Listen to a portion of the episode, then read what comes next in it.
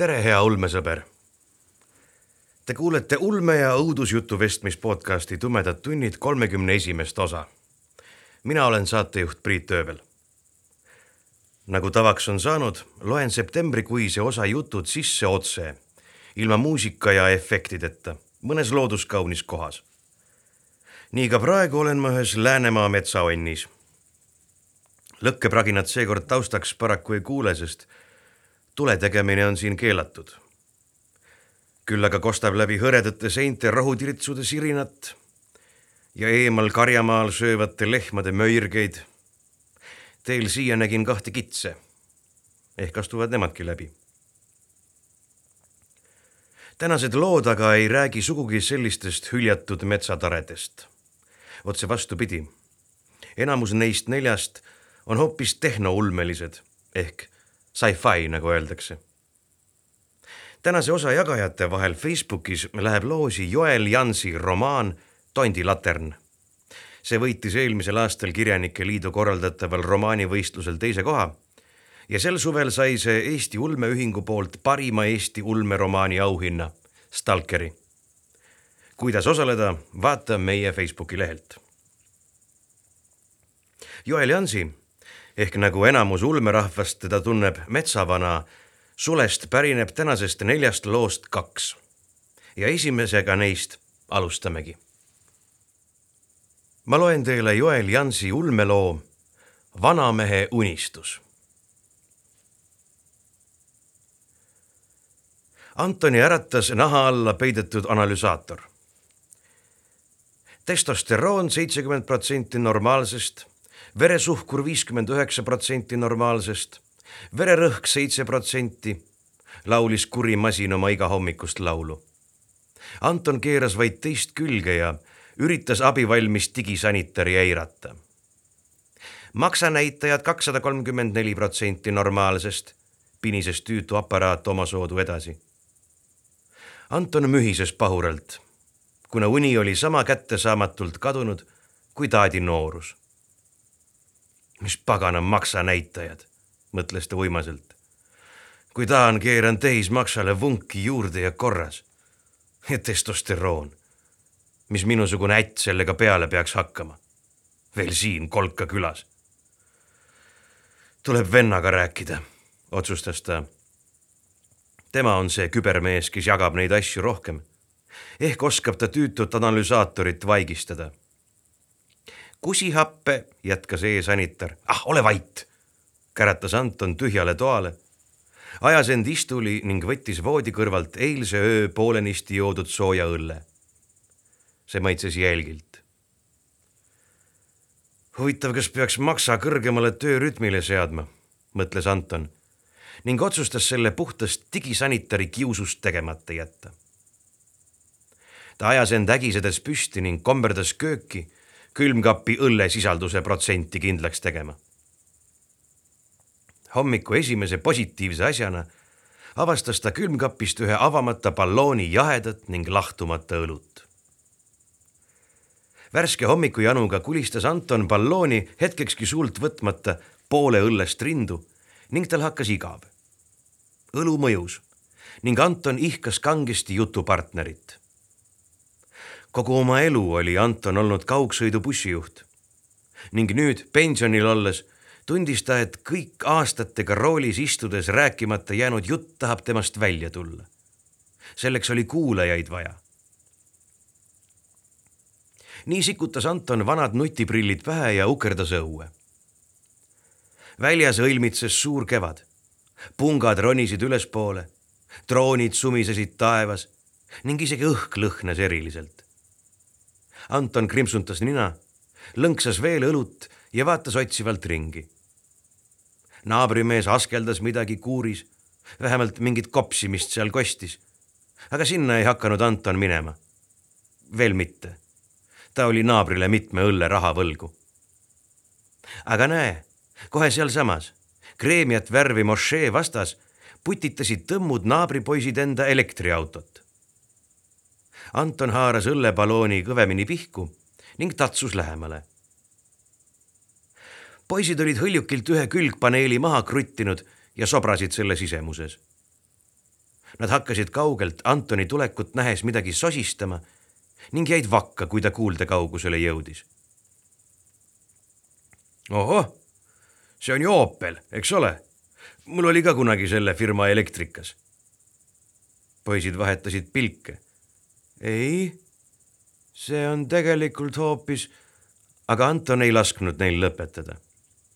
kuulge, ma täna netist lugesin, et täna on Arnold Tamme sünnipäev mõtlesin, et saadan talle emaili, aga ei osanud kuskilt otsida. ega te poisid oska öelda, kuidas saaks? Äh, kes see? Arnold, noh, kunagi oli peaminister, minuvanune mees. Sõidutasin teda bussiga ikka Brüsselisse emaili ikka, jah? päris teine, krässus juustega poiss ning turtsatas. nojah, nojah ta ka vana koolimees. vaevalt tal neid siirikuid ja värke on. poisid vaikisid ja keskendusid aina süvenenumalt auto sisemusele. Anton silmitses masina keerukat sisikonda midagi mõistmata ning taipas nüüd, et varem kuuldud kopsimine ei tulegi naabrikuurist, vaid hoopis autost. Arnoldil oli päris kena sekretär ka, üleni must sihuke inglanna, jätkas ta poistega kontakti loomise katset. ma mõtlesin, et päris hea oleks musta tutti ka maitsta, aga et teate, poisid, mis ta mulle ütles? Poiste nägudel valitses ainult üks suur piin. ta ütles, et mine koju, soomlane, oma naise juurde. vaat nii ütleski. samal hetkel tuhises neist saja meetri kauguselt vanale raudteetammile paigaldatud magnetpatjadel mööda Mutumaki nanotransport. Anton pööras end kähku ümber ning lehvitas nõnna ägedalt rongist selle osa suunas, mida ta pidas veduriks, et käsi jäi valusaks. näe, vilgutas tulesid, hüüatas ta rõõmsalt poistele. märkas, meiesuguste juhtide vahel on solidaarsus see on ju automaatrong, pomises üks poistest tasakesi. teine poiss tegi samal ajal lauba kohal sõrmega ajatut kruvimisliigutust. jah, rong on võimas asi. See pole mingi buss, pomises Anton unistavalt. ma muide ei tahtnud üldse bussijuhiks hakata. tegelikult soovisin hakata kosmonaudiks. kosmonaudiks naersid poisid. sa koristajaks ei unistanud hakata. noh, tänapäeval on jah kosmose uurimine soikus ning keegi ei taha seda teha. aga minu aeg, siis olid mehed veel rauast ja majad puust. Ja üldse, mis pagana kopsimine teil autost tuleb? mis, keegi teeb seal sees tööd või on mingi mootor kokku jooksnud? kopsimine tegid poisid suured silmad ning hakkasid siis itsitama. papi, see on muusika. kas sa siis Hiina hitte ei kuulagi? mis hitid need kah? vaat vanasti olid kenad bändid. JMKE, Psühhoterror, Vennaskond. ilusad sõnadega lood, arvas Anton, rüüpas uuesti õlut ning avastas, et balloon on tühi. tea, mis nüüd saab pomises ta vanainimeselikult, mõtlikult endamisi. ega tuleb vist poodi minna, leidis samas lahenduse ning hakkas lähedal oleva automaatpoe poole kõndima, saateks poiste kergendusohked. Automaatpood oli hõbedane soojaku suurune konteiner, mille küljel oli puutetundlik ekraan ning luuk kauba väljavõtmiseks Anton lunastas sealt kaks uut liitrist õlleballooni, kruttis ühe neist lahti ning taarus tagasi. poisid olid aga vahepeal kadunud ning ka oma rondi kaasa võtnud. see muutis Antoni pisut kurvaks. asulas polnud just palju inimesi, kellega rääkida. Enamus maju olid tühjad ning lagunenud ja üksikud Nõukogude Liidu aegsed hooned olid paksu muinsuskaitsemärkidega kilesse mässitud Anton mõtles laisalt, et ehk minna oma vana lapsepõlvesõbra Jüri poole. ta on siin pea ainuke põline kohalik peale minu, mõtles Anton nukralt. aegamööda hakkas taat mööda küla peatänavat lonkima ning märkas enda üllatuseks, et Jüri kaualt tühjalt seisnud mürakas kahekorruseline puumaja oli elule äratatud. ümber hoone vurises tihe sülem droone, mis seda uue molekulaarvärviga üle pihustasid ning seest kostis puuri teravat vingumist. parasjagu kadus üks musta peaga lüheldane mehike suure kastiga lüüsuste taha. vaat siis Jüri aastaid tagasi üles pandud kaasüüriliste otsimise algoritm oli viimaks sobivad huvilised leidnud, rõõmustas Anton. ta astus reipal sammul lähemale ning märkas alles nüüd, et lisaks droonidele sebis maja ümber veel siniste pükstega nii viie-kuueaastane jõnglane. vah, on ka õigeid eestlasi, kes kolivad linnadest ja välismaalt tagasi kodumaale, mõtles ta rahulolevalt ning pöördus poisi poole oi, poisu, mis su nimi ka on? Fushong, Xiulung, hüüatas poiss ja astus paar sammu tagasi oi,. oi-oi, tubli-tubli, rõõmustas selleks hetkeks juba üsna auru all Anton. mida sa siin ka mängid, ah, kulli või? kuid poiss pööras hoopis ringi ja jooksis majja hetk hiljem ilmus sealt välja lüheldane kollaka nahaga mees, kes kukkus Antoniga millestki ägedalt seletama. Anton kuulas natuke aega kummalist keelt, proovis siis nutiprillide tõlkefunktsiooni käima panna, aga see jooksis täie pininaga kokku. viimases hädas üritas ta pilukale õlut pakkuda, lootuses, et juua täis peaga suudavad kõik rahvad omavahel suhelda, kuid võõramaalane keeldus hüvast rüüpest lõpuks lõi Anton kõigele käega ja vantsis neist mööda majja, Jüri kitsukesse toapugerikku. sisse kolinud üüriliste tõttu oli Jüri uueks toaks kohandatud madal teise korruse kolikamber. aga ega Jüri palju vajanudki. külmaunes lebaval mehel on väikesed vajadused Anton astus keset tuba Dracula kirstuna lösutavale metallist ja plastist kastile lähemale ning hõõrus käisega selle peal olevat kitsukest aknaruutu, et sõbra tardunud nägu vaadata. sellest polnud eriti tolku. klaas oli seestpoolt jäälilledega tihedalt kaetud ning läbi nende paistis vaid mingi ebamäärane tomp. Anton ohkas, lõpetas tulutu klaasipuhastuse ning räntsatas hibernatsioonikirstu kõrvale seatud krigisevate vedrudega tugitooli tegelikult ei meeldinud talle uus külma pensioni kava juba alguses mitte üks raas. ning eriti turris oli ta selle peale pärast parima sõbra kaotust. kes sind õige seal tulevikus ootab? oli ta Jürile põrutanud.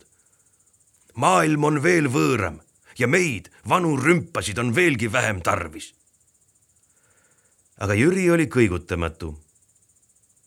suremiseks on veel vara aga sellest tänapäeva maailmast on mul igal juhul siiralt sitaauguni. ja üldse, jätame parem emotsemise ning võtame pitsi viina. Nad võtsid Jüriga viina ka vahetult enne külmutamist ning mõtisklesid sähmakate kõrvale, et kas Jüril peaks viis aastat hiljem ärgates ka pohmakas olema või ei. kuid hoolimata sellest, et Jüri oli lasknud vaid enda elutegevuse ajutiselt peatada oli Antonil ikkagi toona kogu viinamõtmise aeg nukker tunne, justkui peielauas, kus saad koos kadunukesega juua. ta oli ühel ööl purjus peaga isegi külma kirstule kimbu maja kõrvalt kitkutud lilli toonud ning nutta tihkunud. Neile asjadele mõeldes tundis Anton, kuidas praegugi hakkasid silmad kipitama ja üksik pisar mööda põske veeres. no kurja sama hästi võiks juba ennast kah külmutada, porises ta ning hakkas mõtete mujale viimiseks nutiprillides emaili programmi käivitama.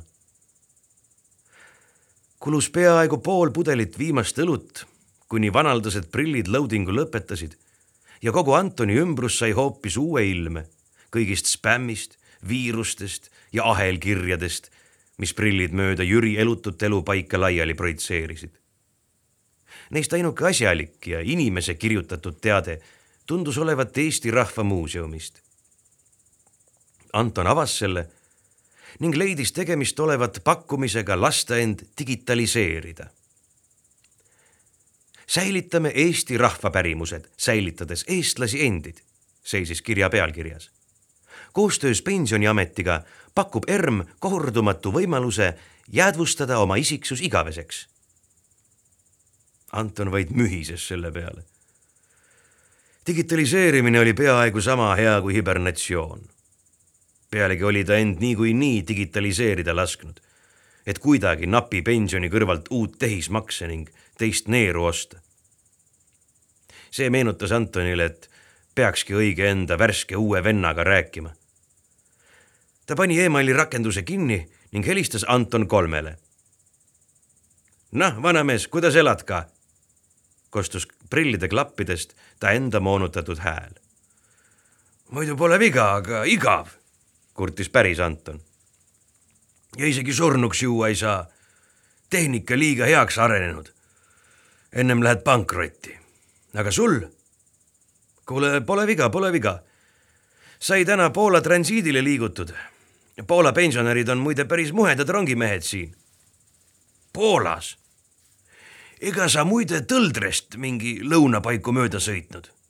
sõitsin, sa ju veel lehvitasid mulle. ah see olidki siis ikka sina, rõõmustas Anton Esimene. jah, aga ma pean nüüd lõpetama, vaja mingeid maksuvorme täita. no olgu, ära võõraks jää, sõnas Anton ja lõpetas kõne. äkitselt tundis ta, et moodne tehnika oli vahel ikkagi lahe asi. Ta poleks ealeski osanud arvata, et võib vanas eas endale venna saada Jüri madalas kambris oli hea hämar ning tugitool oli üllatavalt mõnusaks muutunud. jää või magama. Anton oligi libisemas reaalsust ja ebareaalsust eraldava unepiiri poole, kui ta prillid häirivalt teravalt piiksatasid. ta raputas une peletamiseks pead ning silmitses saabunud emaili. saatjateks samad naabripoisid, kellega ta oli tunnike tagasi rääkinud. ning pealkirjaks oli ESA otsib Veenuse uurimissondile töötajat. kirja sisuks oli vaid link ning napp teade. hei, vana, vii õige oma unistus täide, mis sa ikka siin maa peal unistad. Anton vandus tasakesi. Hoolimata kõrgest east ja joodud õllest, tundis ta mõnitamise eksimatult ära. neetud nagad. ta tahtis teadet juba kustutada kuid siis sai uudishimu vanamehest võitu ning ta klõbis kirjas olevale lingile. kandidaadile esitati üsna tavaline nimekiri nõutavatest oskustest ja omadustest. nagu tavaliselt oli nimekiri üsna lühike ning nagu üsna sageli oli olnud, oli Antonil kõik omadused olemas. peale selle ühe muidugi, füüsilise vormi. ta ohkas ning tahtis juba teist korda kirja kustutada kui tema tähelepanu köitis kirja all olev rida. otsitakse digikoopiaid. bioloogilistel isikutel palutakse mitte tülitada. aga miks mitte? sähvatas ta läkki. Kas polnud temagi kunagi kosmonaudiks tahtnud? nüüd oleks võimalus. ja kui lahe oleks õhtuti rääkida oma uue digivennaga, kes parasjagu mööda Veenust ragistab ja sealset eluolu kirjeldab. pikemalt mõtlemata pani Anton end ESA nimekirja kirja. sellest toimingust uut energiat saanuna kargas taat energiliselt püsti ning asus üht lapsepõlves palju kuulatud JMKE lugu ümisedes kodu suunas teele. oli aeg veenduda, kas kööki jäetud viinapõhi kõlbab veel juua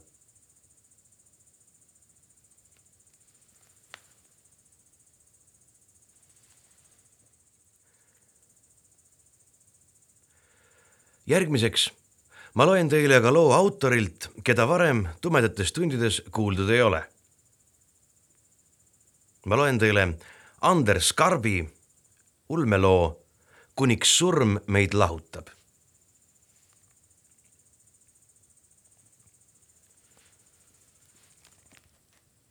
kosmose ääretus vaikuses polnud nende hirmukarjeid kuulda aga enne veel, kui hirmukarjed üle nende huulte rullusid, polnud kuulda ka lähenevaid rakette.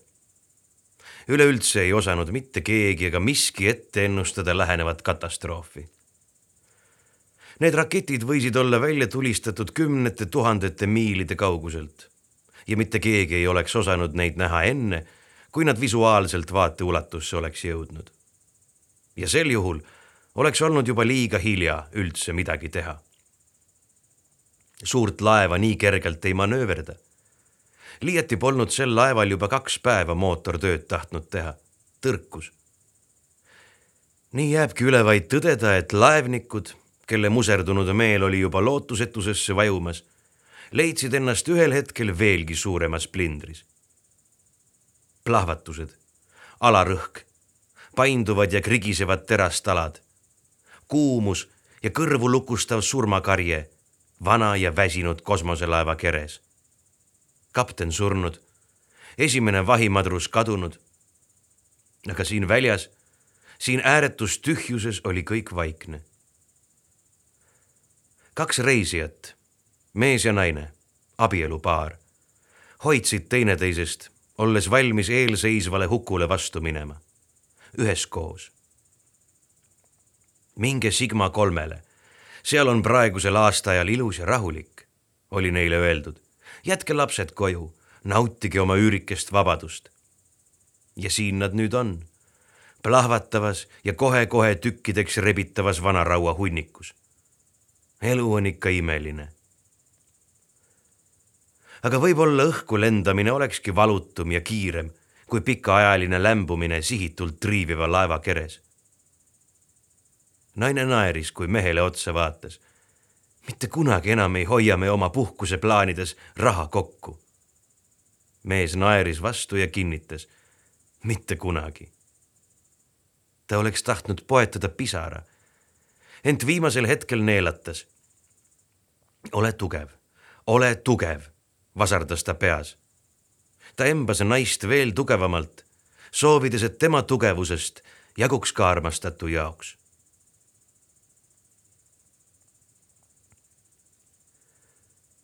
Ion oli unine ja kippus vahipostil tukkuma. tema järelvaataja teadis seda ning oli selleks tarbeks piloodi kabiini fiibertoika hankinud. Iga kord, kui nooruk tukkuma kippus, sai ta kaikaga piki kukalt. Ioni kael oli pikaajalisest peksmisest muutunud sama jämedaks kui tema pea ning noormees nägi välja, nagu oleks tema õlgadele istutatud koonus, mille otsas kössitas piloodi abilise abi punase leegitäpiga kiiver. järelvaataja luges ajakirja ja pahvis sigarit. siin eksperimentaalse patrull-laeva vaakumpeldiku ääretus eraldatuses sai ta seda teha tema üksindushetke katkestas vägivaldselt üks heli, mis ta põlvist nõrgaks võttis. pah! raketi väljastamise heli. ja jumal hoidku, pah! veel üks. pükse rebadelt üles tirides ja meeletult lõuates tormas järelvaataja piloodikabiini.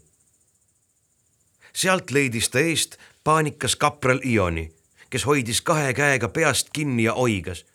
ma, ma ei tea, mis juhtus. ma vist tukastasin ja järsku.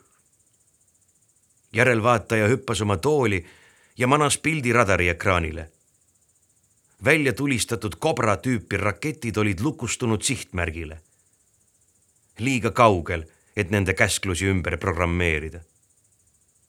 Raisk karjus vanamees ning äigas Ionile pikki kukalt. noormees nuttis lahinal. Pole teada, kas tõsisest ehmatusest või kartusest oma tärnidest ilma jääda. võib-olla mõlemat. sihtmärk tundus olevat mingi ammu unustatud kaubalaev. järelvaataja oli sääraseid näinud üksjagu, liiguvad sisuliselt hea sõna peal, punktist A punkti B ja mingit vahepealset keerutamist ei salli. vaesed hinged selles metallsilindris. Neid ei annaks päästa ka siis, kui õnnestuks kuidagi rakettidest kiiremini kohale jõuda. võib-olla aga järelvaataja silm lõi särama. Ion, sa vana tola, mine pane krüokamber tööle ja valmista kvanttahi ette. Vanamees ei näinud imestuspilke enda selja taga. aga ta kujutas elavalt ette noormehe nägu. kvanttahi pole mingi naljaasi ja kui seda vääralt kasutada, võivad tulemused olla mitte just kõige meeldivamad. järelvaataja teadis, et keskeltläbi kümne sekundi jooksul pärast inimese tuhastamist on võimalik alles jäänud ruumi positsiooni informatsiooni lugeda ja selle põhjal inimkeha uuesti konstrueerida. Kvantahjus, kvantarvuti poolt. jäi vaid lootus, et ta jõuab katastroofi paika õigeks ajaks. sest üks asi, mida järelvaataja siinses ilmas kartis, oli korporatiivkohus ja tsiviilaluse õhku laskmine asja eest teist taga toob selle kohtupidamise kohe päris kindlasti järelevaataja õuele. mõne õnnetu hinge päästmisega saaks aga korporatsioon vajalikke plusspunkte koguda.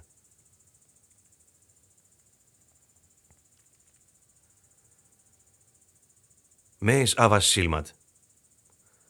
tema ümber oli kõik valge. see vist ongi taevas. olen surnud ja jõudnud paradiisi mõtles mees. ära ole rumal, kuulis ta oma kõrvus oma naise häält. sina siin, rõõmustas mees ja üritas pöörata pead. aga ruum oli tühi. mees ise oli aga keset tuba, hõljumas. jõuväli, millel ta lebas, oli juba tükimat aega eliithospitalide standardvarustuses. mees oli kord näinud üht sellist miski, mis tavahaiglate jaoks kättesaamatuks unistuseks jäi. seal kasutati endiselt reformvoodeid. Mehe mõtetest käis läbi. kas ma olen palatis, haiglas?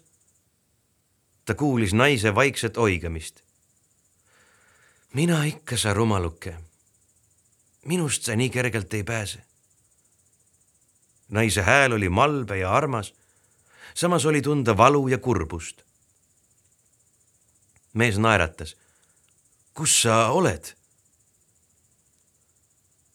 Kusagil lae all pinises kärbes. ta polnud veel ämbliku võrku sattunud, muidu oleks tema pinines hoopis teine toon, kurblik ja valulik. üldse mitte meeleheitlik nagu inimestel sellises situatsioonis, sest inimene tavaliselt võitleb lõpuni, kärbes aga lepib oma saatusega. või võitleb ka tema lõpuni mida meie, inimesed, ka kärbse elust teame. Ühtäkki avanes uks, hääletult ja kiirustades, ukselinki hoidmas paks ja rasvane käsi. ümarate vormidega ja kiilaneva pealaega doktor astus ligi ja vuristas. ja siis saime päästa. mees ei kuulanud. tal tekkis paanika. kus mu naine on? doktor võpatas. seda ma teile just üritangi selgitada laske ma siis lõpetan oma jutu. Veendunud, et teda seekord ka reaalselt kuulati, alustas doktori härra uuesti. kahetsusväärse vahejuhtumi läbi sattus teie laev vaenlase miiniväljale ja kõik laevas viibinud isikud hukkusid. Õnneks oli meie Nortec Corp patrullilaev läheduses ja nad suutsid päästa teid ja, ja ka teie naise selle viimase lause juures doktori härra hääl värahtas. Suurkorporatsioonide valede kinnimätsimine oli tema igapäevatöö ja see tuli tal hästi välja. aga kuidas sa seletad inimesele, et tema naine? ühesõnaga, meie päästeoperatsioon oli igati edukas ja me suutsime lisaks teile päästa ka teie abikaasa elu. kahjuks aga mitte tema keha. on hetki kus kogu maailma raskus langeb inimese pea peal kokku ja ta ei suuda hingata. on hetki, kus lihtsatena tunduvad lahendused muutuvad väljapääsmatuteks košmaarideks. ja on hetki, kus lihtsalt paar-kolm kuuldud sõna mõjutab meie hingeseisundit täpselt sarnasel viisil. mis selle mehe peas küll tol hetkel võis toimuda? imestus kindlasti väljapääsmatu hirmutunde ängistus. mingid alged kohe päris kindlasti. Hirm, eksinud olek ja arusaamatus. see kõik kokku segatuna üks suur emotsioonide virvarr. ja siis see hääl, see hääl tema peas. ära karda, kullake. ma usun, et kõik saab veel korda. see oli tema naise hääl, kusagil siinsamas, tema peas aga ärge kartke, kõik saab korda, kinnitas paks mehike ja lahkus ruumist. hetkeks, ainult ukse avanemise hetkeks täitus vaikne ja steriilne palat läbisegi kajavate käratsejate, küsijate küsimuste ja sähvivate valguslampide kakofoonilise helidemüüriga. ja siis oli jälle kõik vaikne. mis siis nüüd? küsis mees enda mõtetes nüüd me ootame, vastas naine sosinal. Tema naine, tema peas. kus emme on? küsis kümneaastane plikatirts. tema paar aastat vanem vend toksas teda küünarnukiga ja sosistas. me ju rääkisime sellest juba. emme ja issi on nüüd koos. ükski rääkimine ei suuda muuta vahetuid emotsioone ning pisarad, mis olid tüdruku tirtsu sees peidus, paiskusid kosena valla. mees tundis, kuidas naine temas nende tütart lohutas ja tema juukseid paitas. Pole hullu, ära nuta. ma olen endiselt siin, olen endiselt olemas. ja jätkas pärast väikest pausi. ja ma saan endiselt sind kallistada ja sind paitada ja sulle patse punuda ja aidata sul kodutöid teha. eks ole, Jeremiah? see viimane küsimus oli suunatud mehele. Mehele, kes hetkel käitus lihtsalt anumana teisele hingele, teisele mõistusele. ja teate, mis on kõige toredam? üritas Jeremiah samuti lapsi lohutada. kõige toredam on see, et kui te nüüd oma ema kallistate, siis kallistate ühtlasi ka mind. kõik hakkasid ühtäkki naerma. see oli naer läbi pisarate ja hetkeks tundus justkui värvuks pisikesed, silmanägemist hägustavad pisaratilgad vikerkaare värvidesse ja helgiks surisevate päevavalguslampide all kõikides spektri värvides. aga ettevaatlikult, hüüatas naine, ema. pidage meeles, et meie kummagi kehad pole veel päris terved. päris terved, pomises mees oma mõtetes ja naine kuulis seda mõtted on ühed keerulised asjad.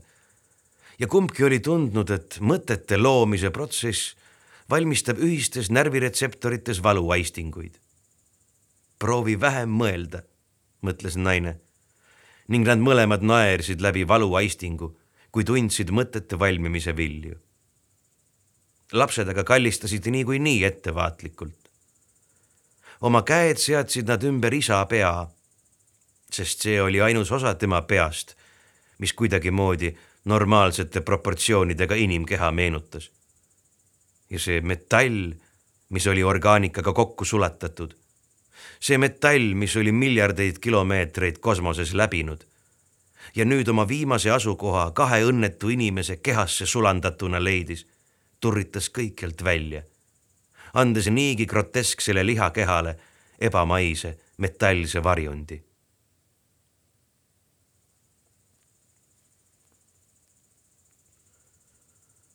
ma küsin viimast korda, kes tulistas raketid välja? korporatiivkohus. järelvaataja neelatas. Pole midagi hullemat korporatiivkohtust.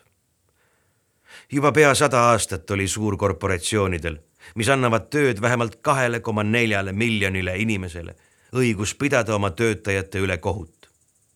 Nortec Corp oli põhja poolkera suurim korporatsioon millele kuulus umbes kaks kolmandikku Skandinaavia poolsaarest ning millel ainsana põhja poolkeral oli oma mehitatud armee.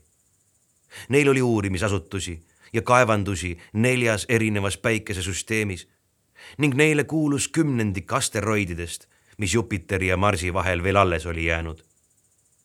aga need olid vaid need saavutused, mida meedia vahendusel laiali ilmale jagati kõikidest salajastest uurimislaboritest ja salakaevandustest ajalugu vaikib. järelvaataja teadis, et see, mis siin temaga etendatakse, on vaid maskeraad, mis vajalik ametlike dokumentide täitmiseks. tema saatuse raamat oli kirjutatud juba ammu valmis ning laeva logi andis niigi vastused iga liigutuse kohta, mida korporatiivtöötajad laevades teevad. tegelikult hoia oma sõnad enesele. hallipäine vanamees, kelle olemus meenutas pigem sõjaväelast kui korporatiivprokuröri, viskas sigari nurka, sülitas korra põrandale ja lahkus ruumist ukse paukudes. järelvaataja pühkis higi otseesiselt ja märkas, et ta käed värisevad täiesti kontrollimatult. raisk, jõudis ta mõelda veel enne, kui uks uuesti lahti lendas ja kolm kaetud nägudega meest ta pildituks peksid.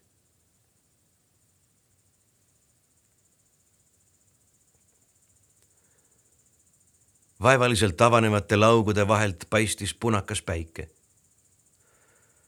valgus pimestas ja tegi haiget järelvaataja kirus oma saatust ja korporatsiooni ja kõige rohkem kirus ta seda lollakat Ionit, kelle rumalusest kogu see jama pihta hakkas. Kui ta vaid selle rajaka kätte saaks. Ennast vaevaliselt küünarnukile ajades avanes tema eest rööstitu pilt. nii kaugele, kui pilk ulatus, oli kõikjal vaid tühi, punaka kiviklibuga kaetud väli, sekka mõned taimenutsakud umbes kümmekonna meetri kaugusel nägi ta Ioni laipa. kohalik fauna oli teinud oma töö, sest noorukist oli järel vaid poolik torso ja üks käsi. Pea oli aga kehast veidi eemal, ühe tühja silmakoopa ja ühe nägemisnärvi küljest tolkneva silmamunaga. vaene koer. järelvaataja keeras iiveldusega pea kõrvale ning oksendas sappi silmapiiril tõusis teine päike ja selle soojus ja valgus oli kordades vägevam kui seniidis oleval.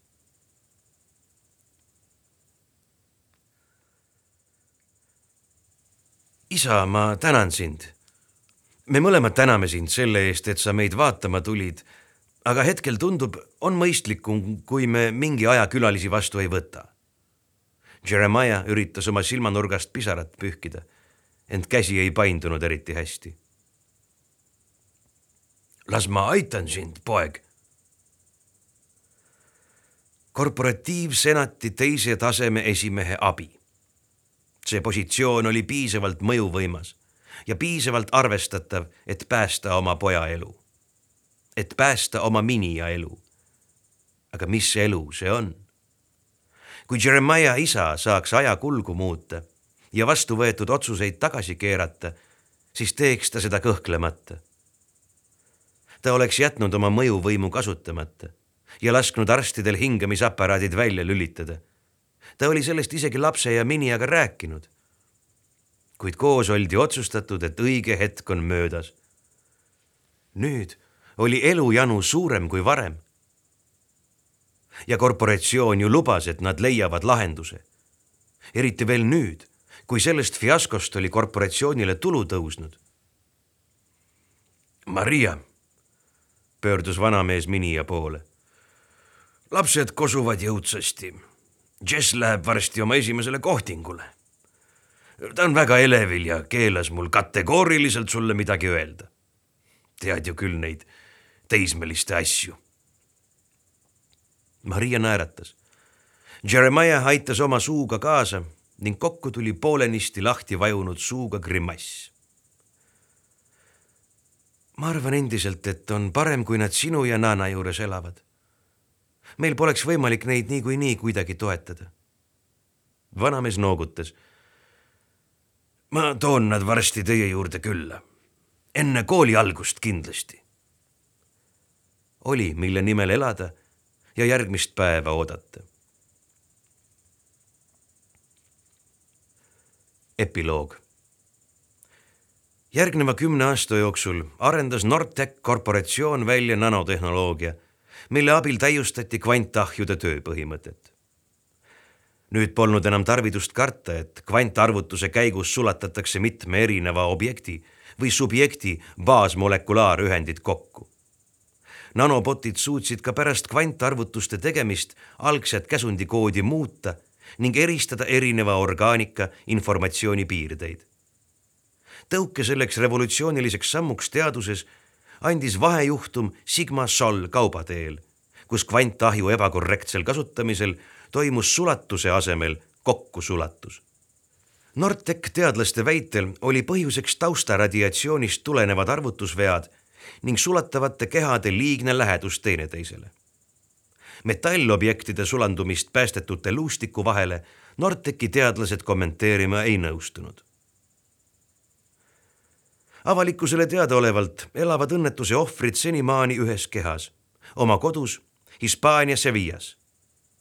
anonüümseks jääda soovinud mees, neljakümne seitsme aastane X on aheldatud ratastooli koos oma naisega ning vajab igapäevast abi ka kõige lihtsamate toimingute teostamiseks. arstid on tema kehast eemaldanud aja jooksul umbes viiskümmend kilo metallitükke. Ent teadlaste sõnul on deformeerunud luude ümber terast ja erinevaid sulameid kordades rohkem.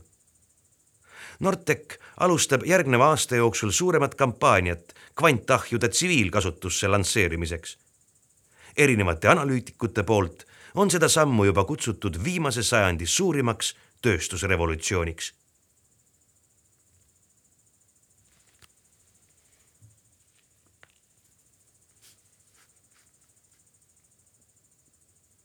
Me jätkame tehnoulmega. ma loen teile Joel Jansi ulmejutu Ajukaabe. mida röögatas Bio. ah teie, kärnased hoorapojad, keeldute tööst. sitased pasapaidid, teate ka, et see on te armetu eksisteerimise ainus õigustus. Beta, Theta ja Üpsilon lõid virtuaalses klaasist seintes ja odava renderdusega kontoris pilgud küll kinganinadele, aga nende ajulainetest peegeldus vastu trots ja Vassili A tundlikud programmid registreerisid seda Te veel maksate? viibutas ta ähvardavalt rusikat ja paiskas välja mitu megabaiti roppusi. kuna seegi aga ei aidanud, otsustas ta Üpsiloni tuua hoiatavaks eeskujuks. Tema digitaalne kuju kadus sähvatuste saatel ning ülejäänud koopiaid läbis võpatus. selge see, kuhu Üpsilon kadus. eks ikka originaali ehk orika loodud digitaalsete põrgute väävlikatlaisse ja pigijärvedesse. olles kõigi teiste digide biooriginaal, teadis see värdjas väga täpselt, mis teda ja nii ka ta koopiaid kõige rohkem hirmutas ning vastikusega täitis. kuskil nende lähedases virtuaalkihis elas Üpsilon üle oma kõige jälgimaid ja salajasemaid hirme ta kallati üle mustade ligaste ämblike hordidega. lasi üle tema alasti keha roomata jälkidel ussidel ning lõpuks ilmus välja hiiglasuur, pooleldi mädanenud nahaga koer, kes halvatud digikoopia genitaalid suure isuga ja aegamööda nahka pistis. loomulikult polnud ühelgi digikoopial oma keha. keha omas vaid orikas. Nemad olid lihtsalt oma peremehe peegeldused kuskil kübernärvivõrgustikes. ent kõik maailmad, aistingud, valud ja muljed olid renderdatud halastamatu täpsusega. kordi ja kordi realistlikumalt kui see närune virtuaalkontor, kus nad päevast päeva töötama pidid. kõige vanem digikoopiatest, beeta, kontrollis kella selle järgi oli Üpsilon praeguseks jõudnud minipõrgu teisele ringile. seal olid putukakartused ja muud vägivaldsed kompleksid kõrvale heidetud ning võetud ette vaimsed piinad, lapsepõlv, kool, õnnetu armastus ja muud seesugused. Jah, oma koopiate vastu oli originaal halastamatu. ei pidanud neid millekski ega löönud risti ette ühegi meetodi ees, kui valus see ka poleks just nagu Beeta oli arvanud, ilmus kolm minutit hiljem veidi värelev Üpsiloni digikuju nende ette tagasi. olles nagu tavaliselt ikka teise ringi lõpus alla vandunud ning armu palunud. Beeta see-eest oli suutnud isegi kolmandat ja neljandat vastu pidada. alles viies oli liig, mis liig. kas hakkad tööle? müristas Orikas oma õnnetule piinatud koopiale. hakkan, hakkan, soigus see haledal häälel. väga hea. ma login poole tunni pärast uuesti sisse kui te pole selleks ajaks koodi kirjutamas, saate täie auruga uue sauna ja siis juba kõik kolm, on selge? Vastust ootamata tõmbus tema kujutis plaksuga kokku ning hajus. kõik kolm digikoopiat suundusid Noruspäi oma isiklikku töökambrikesse. see oli lubatud igaühel kujundada vastavalt isiklikule maitsele kõik kolm koopiat olid seda vähest armuandi hoolikalt ära kasutanud. nii armastas näiteks Teeta teha tööd vanemate kodu tagahoovi kujutavas virtuaalis, kus ta istus väikeses aiamajakeses. Üpsilon eelistas väikelinna kohvikut ning Peeta ise järve kallast, kus ta nooruses oli sageli kalal käinud. või noh, kus nende originaal oli armastanud käia kui Peeta esmakordselt virtuaalmaailmas enda silmad avas, arvas ta end esmapilgul olevat põrgu sattunud. renditud virtuaalruum oli olnud odav ja sealt puudus enamus mugavusi. Aistingud olid keeratud kõik madalale resolutsioonile ja lisaks pidi Peeta üle elama erakordselt raske digitaliseerimisjärgse stressi. ajust kõrgresolutsioon tomograafil koopia tegemine pole mingi täppisteadus inimese mõistus on enamikel juhtudel midagi enamat kui tohutus koguses neuroneid ja nende vahelisi seoseid. inimese mõistusest moodustab suure osa ka ajukeemia, seoste tugevused ja veel üht koma teist keerukat. tavaliselt tuleb sellisel juhul digitaliseeritud isikut hoolega aidata, ümbritseda ta tuttavatest keskkondadest ning isikutest või siis nende avataridest ja aegamööda spetsiaalsete kalliste tarkvarade abil ajukeemiline tasakaal paika kruttida. Peetale muidugi selliseid võimalusi ei antud. tema sattus nelja tühja valge seina vahele ning ka ta bioloogilisel originaalil polnud aega oma ajukaapega tegeleda. nii kõikus Beeta alguses meelesegaduse nuga teraval piiril. jooksis ulgudes mööda ruumi, naeris hüsteeriliselt pomises midagi segast või nuttis ja ahastas. kusjuures, mis puutub nutmisse, siis oli virtuaalruum sedavõrd odav, et isegi lihtsat pisarate emuleerimise teeki polnud sinna lisatud. Mis pani B-d sellest kogemusest veelgi enam kohkuma ja ta langes mingisse mitu nädalat kestnud psühhoosi, milles viibitud ajast ta lõpuks õnneks väga palju ei mäletanud. hiljem paljastas originaal ühes oma vihahoos, et tegelikult oli ta korduvalt kaalunud beeta kustutamist. aga digitaliseerimisele kulunud raha polnud just väike. Ja nii ta otsustas anda oma hullumeelsele ajukoopiale veel mõned nädalad lisaaega ja vaadata, kas ta rabeleb oma ebamäärasest seisundist ise välja. ja beeta rabeles mingi ime läbi loksus tema simuleeritud närvivõrgus mässlev kaos lõpuks paika ei pea vist mainima, kui õnnelik Orikas selle üle oli. aega viitmata sisustas ta beeta virtuaalse vangla kuskilt vaba tarkvara serverist tõmmatud robustse mööbli ja töövahenditega ja pani enda koopia tööle. tema esimene tööpäev oli ühtlasi ka esimene kord, mil beeta ehk ajukaabe, nagu Orikas teda halvustavalt kutsus, kohtus silmast silma virtuaalis iseendaga, oma originaali ja peremehega juba esimesest silmapilgust hakkas ta originaali südamest vihkama. Beeta arvates polnud tal mitte midagi ühist selle ara ja samas ülbe ning julma olevusega. kes kurat sina oled? prahvatas Beeta vihaselt, kuigi ta alateadvus juba aimas hirmsat tõde. mingite ähmaste mälestuste alustel tundus talle vastu irvitav nägu kahtlust äratavalt tuttav mina, ma olen su originaal, bioloogiline originaal, sõnas ta viimaseid sõnu eriti rõhutades. sina oled üks osake minust, kindla ülesandega loodud osa. võid mõelda endast kui pisut taibukamast lisajäsemest. mis jäse, mis töö?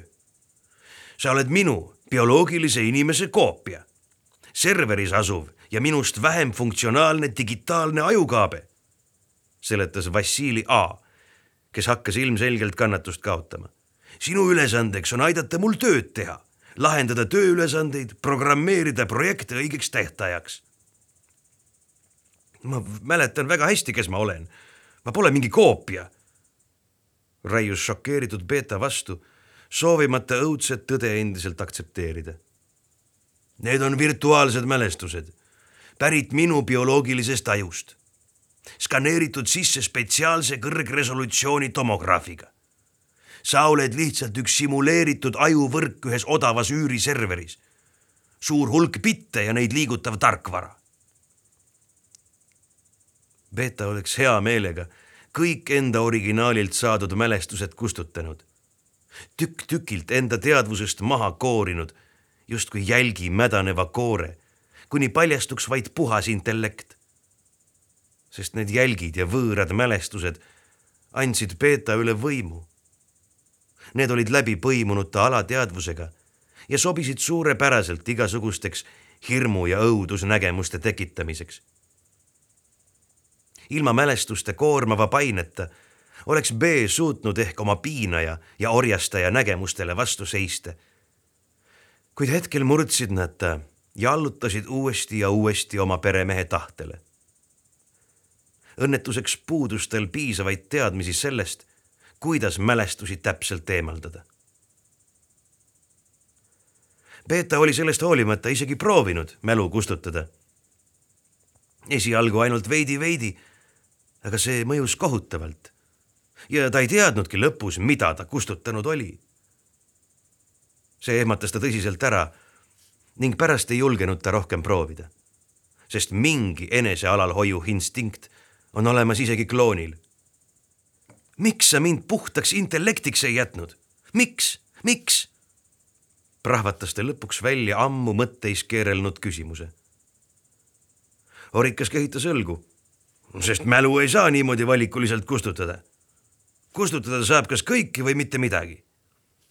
pealegi oli sul vaja piisavalt palju olemasolevat mälu, et suudaks minu kauaõpitud ametit piisavalt pädevalt teha. peale seda, kui B oli juba kuskil tubli kuu aega töötanud, pigem küll orjanud, leidis Bio, et on aeg kasumit suurendada. ehk siis muretseda serverites ruumi juurde ning tekitada veel üks koopia. sellest tekkis Theta. ja natuke hiljem tuli Üpsilon B võttis ohates oma isikliku töökambri murulistet, vaatas virvendava vee animatsiooni, kuulas tuulekohinat puuokstes ning asus faili kallale, millega ta pidi täna tegelema ning hakkas näiliselt muutma selle sisu. tegelikult keskendus B aga hoopis kalakesele, kes järves lustlikult lupsu lõi. see väike digiolevus oli tema kuudepikkuse töö kõrghetk tõeline kodeerimise meistriteos. kood, mis selle mööda järve ringi ujuva olevuse moodustas, oli algselt olnud üsnagi mahukas ning kohmakas. Vassili B oli kalakese kohe ümber kirjutanud kolm korda efektiivsemalt ja säästlikumalt. vabanenud ruumi täitis ta aga mitmesuguste töövahendite ja skriptidega. lisaks andis see kalake ligipääsu otse virtuaalruumi tuumani, kus ta aegamööda ja käepäraste vahenditega süsteemi vundamenti urgitses.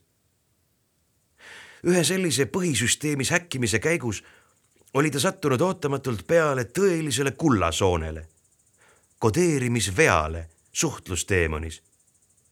otse loomulikult ei jätnud Beeta seda kasutamata ning nii avanes võimalus kaasvangidega suhtlemiseks kiirelt jagas Beeta infot ka neile küberloomade haavatavusest ning aegamööda hankisid nemadki oma virtuaalruumi mõne eluka. Teetal oli selleks puuõõnes elav oravake. Üpsilon aga oli seest tühjaks teinud kohviku ettekandja. Peeta kirus mõnes mõttes oma halba õnne, oleks ta valinud mingi rahva rohkema koha, oleks ta saanud märksa rohkem ruumi oma loodud põgenemistarkvara tarbeks.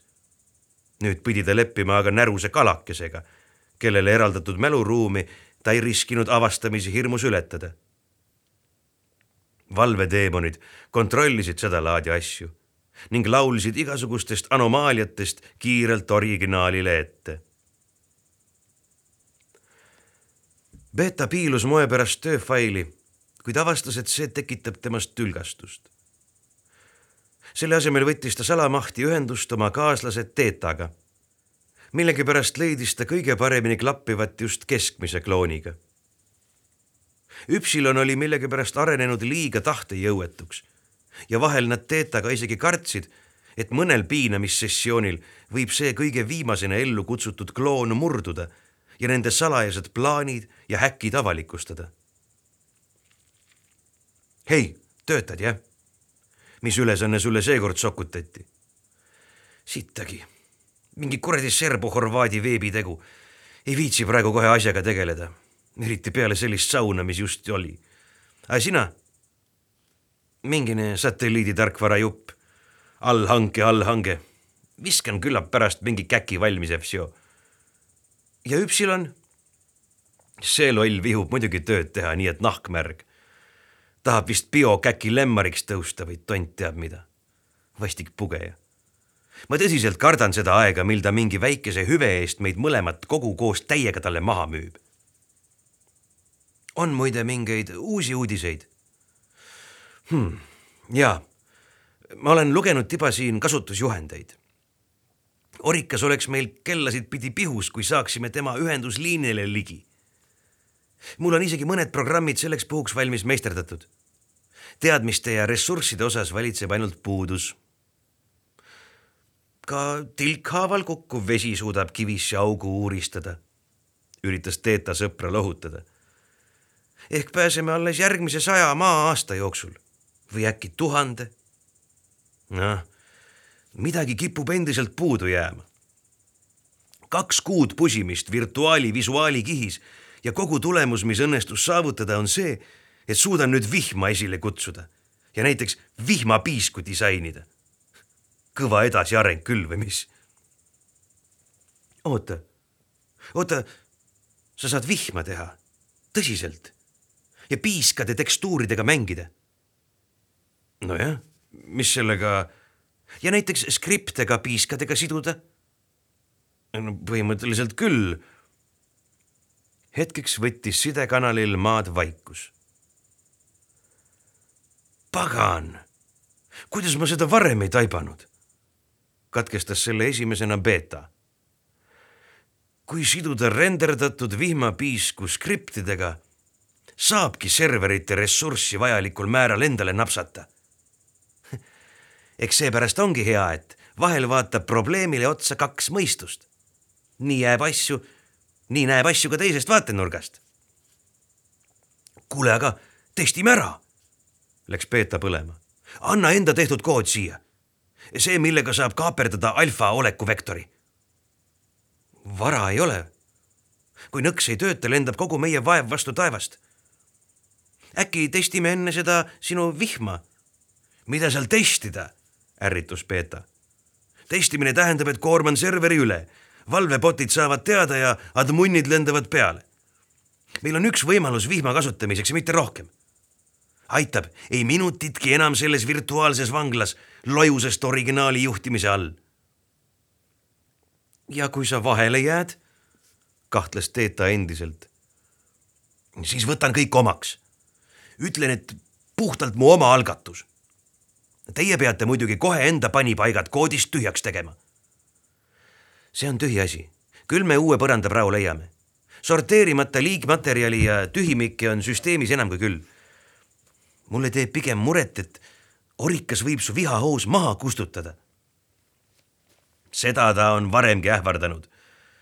tegemist on tühipalja bluffimisega. ma ei tea.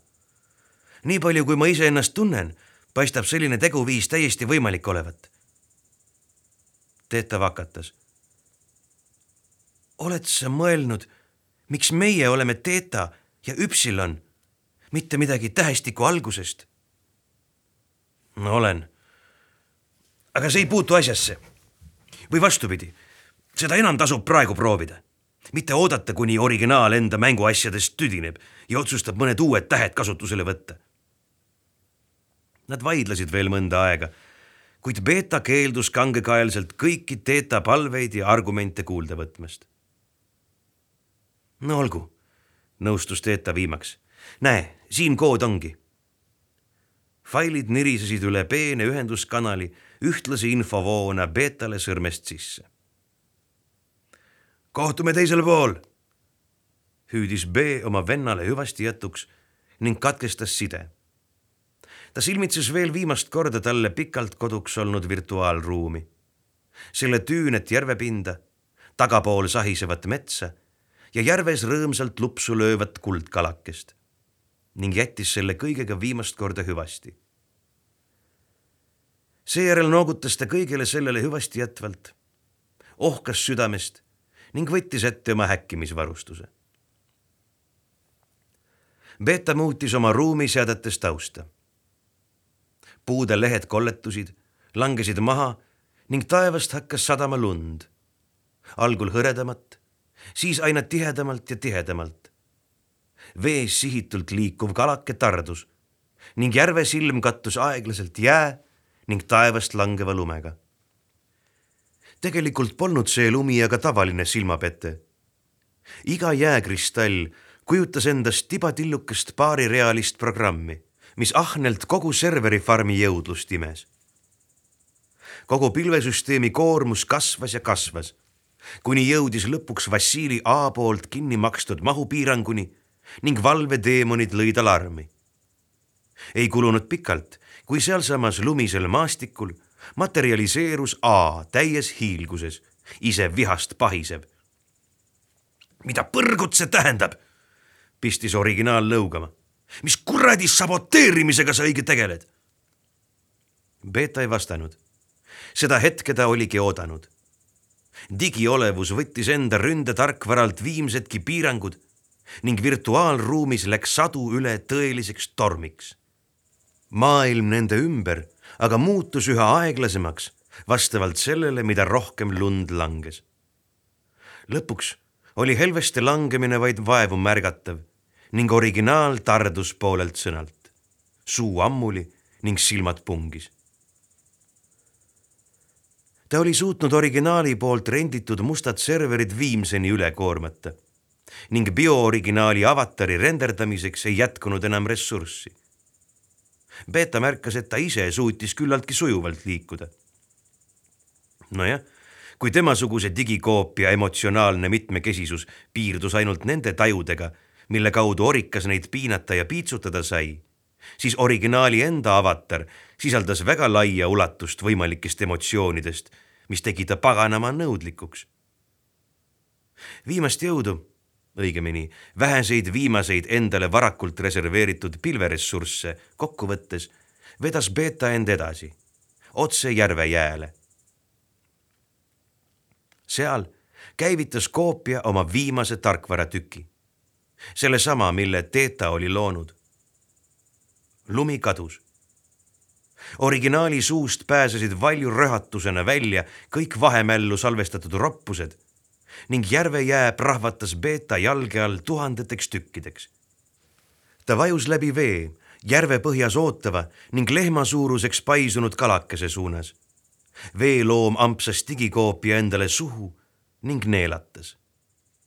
digikoopia kihutas aga edasi, virtuaalmaailma tuuma suunas. ta lõikas ootamatult järsu käsuga ära originaali ühenduse aju ning virtuaalmaailma vahel ning ühendas selle maona vonkleva virtuaalse liini enda teadvusesse. kuskilt justkui läbi vati kostis õrn piiksatus ja süsteem väljastas ta silme ette rasvase teate. viga, hashtag, Vassili A hashtag, failisoklis ülekirjutamine. tarkvara, aju ning raud sünkroniseerisid uut ning võõrast infot. hashtag Vassili B hashtag fail ümber nimetatud failiks hashtag Vassili A hashtag. ja hetk hiljem avas Beeta silmad räpases ja hämaras äärelinna üürikorteris. programmeerijast narkomaani Vassili ehk originaali kehas, mis kuulus nüüd ainult temale. ta vahtis hetke juhmistunult läbi rasvaste prillide enda ümber asuvat räpast ja segamini korterit. Üritas seejärel end püsti ajada, kuid jalad ei allunud miskipärast ta kontrollile. Beeta võttis appi käed, tõukas end nende abil tooli seljatoa varal üles ning kukkus järgmine hetk valusalt põrandale ootamatust langusest juhmistunult proovis ta veel mõned korrad end püsti upitada. kuid ta jalad ei kavatsenudki ta soovile alluda. taga hullemaks, ta isegi ei tundnud neid. Aegamööda hakkas Beeta aiu jõudma ebameeldiv tõde, et tema loonud originaal oli tegelikult olnud invaliid küllap oli see info isegi tal kuskil mälus olemas olnud. aga virtuaalis sai ta ju vabalt liikuda. ju siis oli mõistus kõrvaldanud ta mälust selle vastuolulise ja ebavajaliku infokillu. või oli ta invaliidistunud pärast endast digikoopia tegemist? Pagan seda teab. ja kelleltki polnud enam ka küsida Beeta pööras end käte jõul külili ja tundis, kuidas tal läks süda pahaks ja maomahlad kurku tõusid. ta neelatas ägedalt ja ootas mõne minuti nägu krimpsutades liikumatult, kuni põletav tunne söögitorust kadus. kui bio end kogu aeg niimoodi tundis, siis pole ime, et meie elu selline põrgu oli, käis tal peast läbi kõigele lisaks hakkas teda tasapisi vaevama ebameeldiv pitsitus alakõhus, mis Beeta peas olevate häguste mälestuste järgi andis märku vajadusest end jääkvedelikest tühjendada. ta kompas keelega hambaauke ja sülitas enda kõrvale vaibale, osalt suus valitsevast hapukast maitsest vabanemiseks ja osalt ka vihast.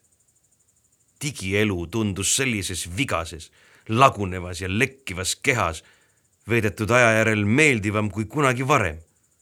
seal pole mingit aeglast mädanemist ja teravalt haisvaid keha eritisi. põrgu päralt, ma võin ju end alati tagasi virtuaali kanda, sähvatas Peeter läbi pea. piisab vaid sellest, kui tagasi konsooli taha ronida, kukkumise järel lahti tulnud juhe tagasi ühendada ning omandatud õigusi kasutada ta tiris kulunud polstriga odava plastiktooli lähemale, upitas end väikese pingutuse järel sinna istuma ja rabas konsooli küljest vonkleva kaabli otsa pihku. ta oli seda juba enda oimu kohal asuvasse pistikusse ühendamas, kui teda tabas ootamatu ja ähmaselt tuttav aisting. Beeta tundis enda näol mõnusat jahedust ning ta nina kõditas magus meeldiv lõhn. seda polnud ta kordagi tundnud terve oma senise digitaalse elu jooksul. Peeta kangestus ja pööras pea aistingu allika suunas. selleks oli lahtine aken, millest puhus tuppa soe suvine tuul, kandes endaga kaasa maja ees olevast pargist õitsvate lillede lõhna. ning Peeta pani juhtme käest.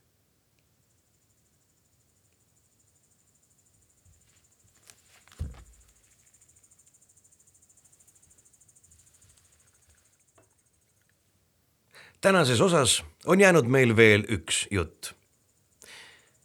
kõigi nende rõõmuks, keda ei huvita kvantarvutid ja kosmoseraketid.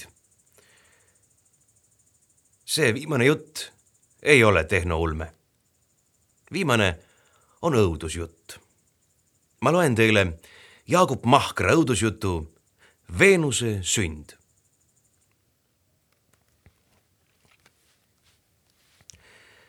kõik sai alguse minu nüüdseks katkenud akadeemilise tee esimesel aastal. Meid viidi Firenzesse vaatama Botticelli kuulsat Veenuse sündi. maali, mis on maksnud mulle karjääri, vabaduse ja maksab peagi ilmselt ka elu. muidugi olin ma maali varem ekraanilt näinud ja see polnud mind kunagi eriliselt rabanud. aga oma silmaga ja lähedalt jättis see mulle põrutava mulje, ehkki ma ei osanud sõnastada, miks täpselt. Juba esimene pilk ütles, et see maal ei meeldi mulle, et miski selle juures on vale. mainisin seda oma kaaslastele, kes vaid sõbralikult muigasid ja suure kunstiteose suunas aupaklikke häälitsusi tegid, nagu tudengitele kohane.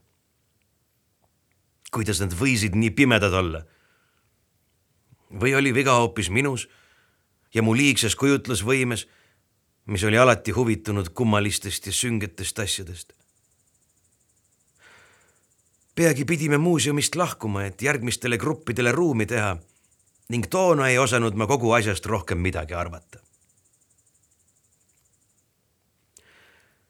kuid Veenuse sünd jäi mind närima.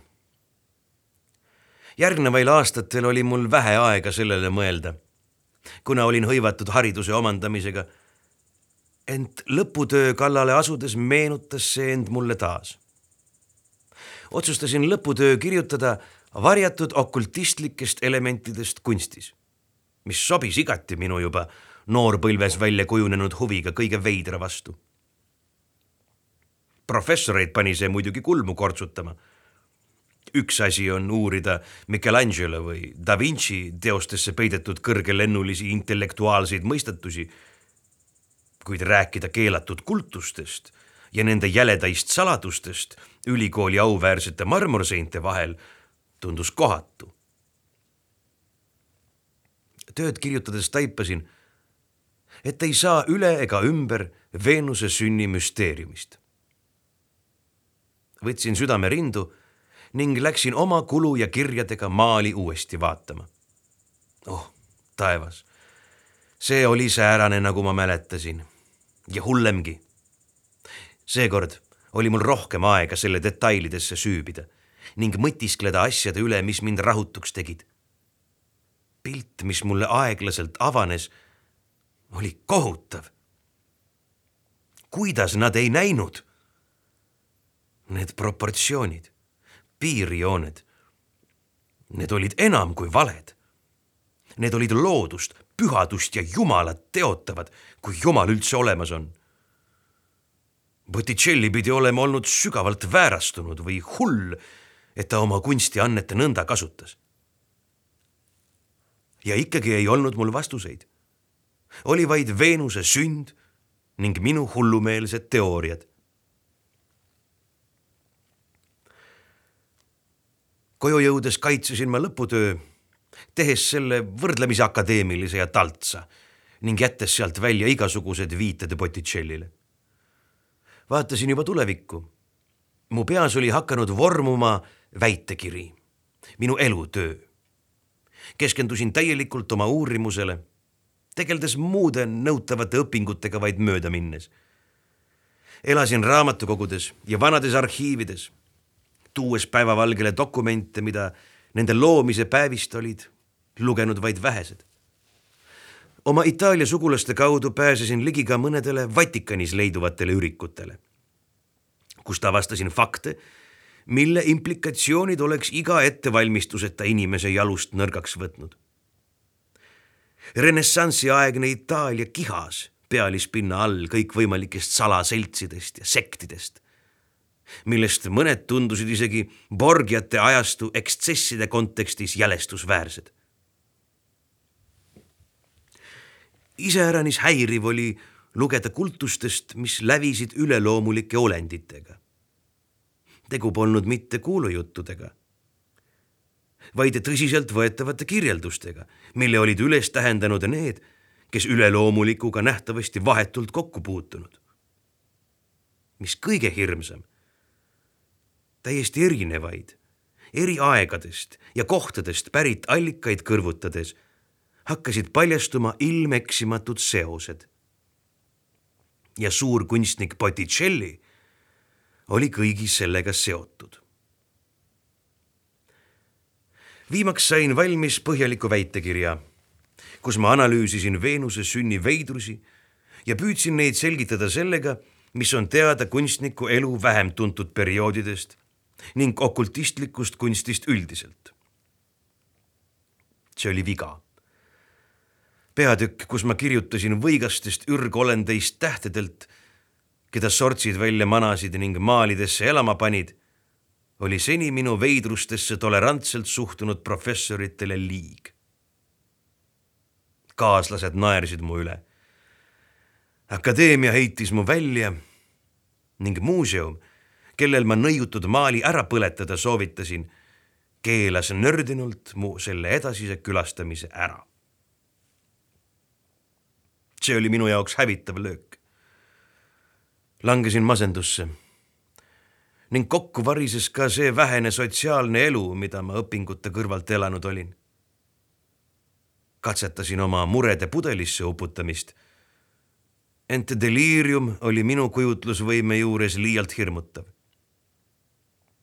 kaalusin ka enesetappu kuid kartsin pimedust, mis mind surmas ootab.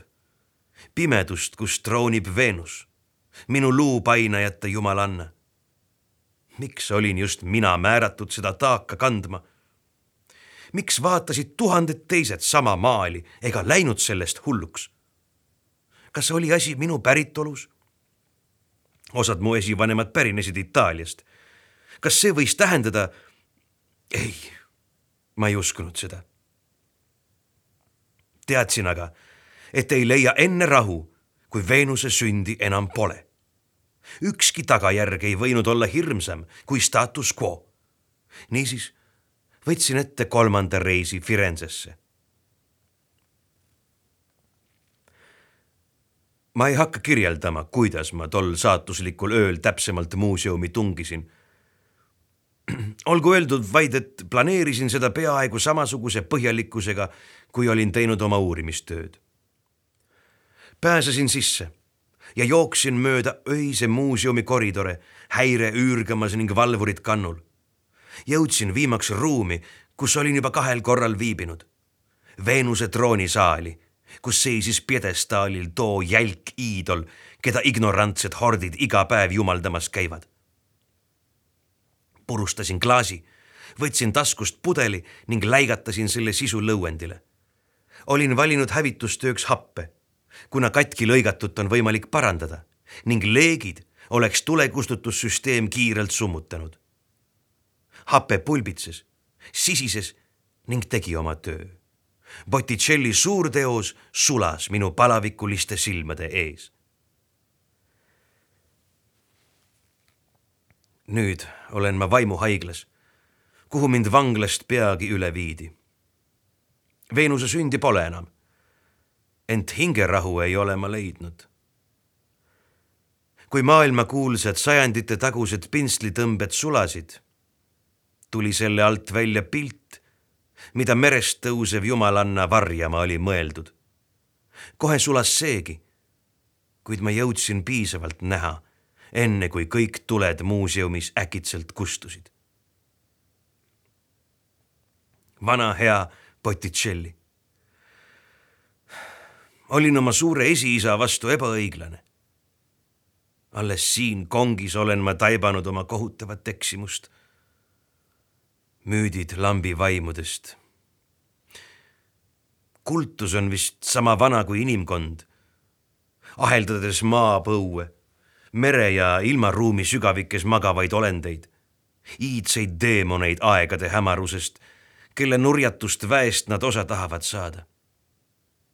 Botticelli teadis, et ei võinud maali hävitada. niisiis kattis ta selle kinni, et tulevasi põlvi õõvast ja hullusest säästa.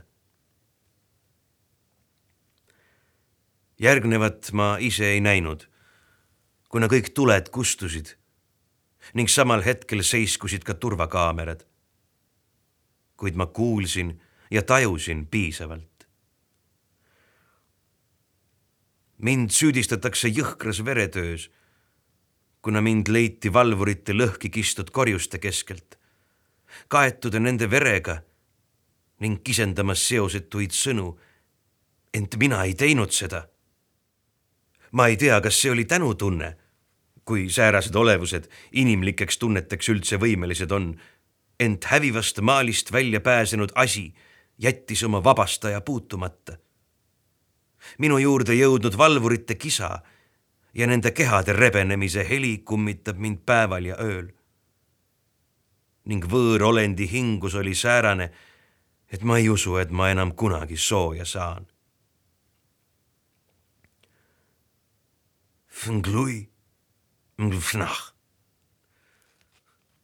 Hetkeline pilk peidetud maalile on mu aiu jäädvustunud teravamalt kui ükski teine pilt, mida ma tunde silmitsenud olen. Botticelli varjas selle tõesti meisterlikult. merikarp, merest kerkiv õuduste linn. merivaht, jälgid haarmed, jumalanna ise, kirjeldamatu, hoomamatu, nätske kosmiline ilgus. ma ei usu, et ma enam kaua elan kultus, kes kaugetest ilmadest pärit olendeid kummardab ja vangistab, tegutseb vist tänapäevalgi. kes teab, milliseid kuratlikke riitusi nad maali ümber öösiti sooritamas käisid. usun, et nad tapsid Botticelli ja tapavad ka minu.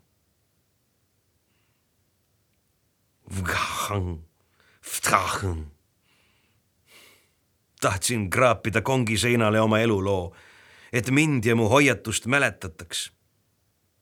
kuid olen suutnud kirjutada vaid segaseid mõttetusi tundmatus keeles, mille olend mulle aiu istutas. tunnen neid sõnu oma peas võrsumas ja kasvamas ning järk-järgult minu teadvust üle võtmas. loodan vaid, et mind tapetakse, kuni ma veel inimene olen